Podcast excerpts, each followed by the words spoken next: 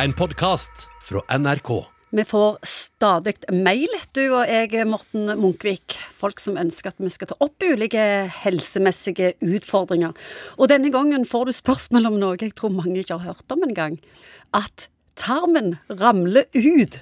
Mhm, at man får hale. Hæ? Ja, altså ehm, Hva skjer her? Ja, hva skjer? Ehm, bekkenet, bekkenbunnen, nederst på kroppen, liksom. Der eh, holdes ting inne av en bukhinne og en bekkenbunnshinne og noen muskler. Og hvis det blir svakt, så kan faktisk tarmen vrenge seg ut. eh, Sånn at den kommer ut forbi den eh, nedre begrensningen av kroppen, egentlig. Hvor mye tarm snakker vi her? Ja, Det er to egentlig versjoner av dette. her. Enten så er det analkanalen, den lille biten på slutten av tarmen som faller ut. og Da er det et par centimeter. Men dersom det er det som kalles et rektumprolaps, så kan det bli ti centimeter som henger utfor. Kjære folk. Ja, Da kommer du iallfall til når du skal tørke deg etter å ha vært på do. Åh, det, det, det Jeg finner ikke ord. Hva- Nei, dette her Folk må er, jo få sjokk. ja, når, de, når de merker at her er det noe på en måte som ikke går an å tørke vekk etter at du har vært på do, så er jo det en Det er ikke noe gøy. På ingen måte noe gøy. Men det er ikke så vondt, faktisk. Så det er ikke så mye smerte involvert. Det er ikke så mye smerte Bare involvert. ubehag. Ja, ubehag og, og Ja, og så er det ikke noe en er stolt av. Nei. Selvfølgelig. Det, det er ting som kan komme, eldre kvinner spesielt, men det kan, kan komme for menn òg, og det kan komme egentlig i alle aldre.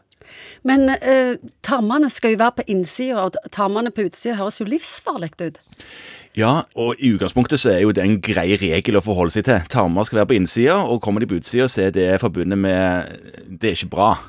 Ja, Putter de de bare tilbake igjen, eller hva? Ja, en kan dytte det tilbake, men problemet er jo at dette er et slags Det heter jo et prolaps, så det faller jo ut igjen. Det er ikke styrke nok igjen i hinnene og musklene som skal holde dette på plass, til at det blir holdt på plass. Så da bare ramler det ned igjen, på grunn av tyngdekraften, rett og slett.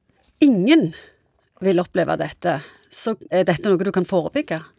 Ja, man kan trene og være fysisk aktiv og holde styrke i musklene i bekkenbunnen. Det er en god greie.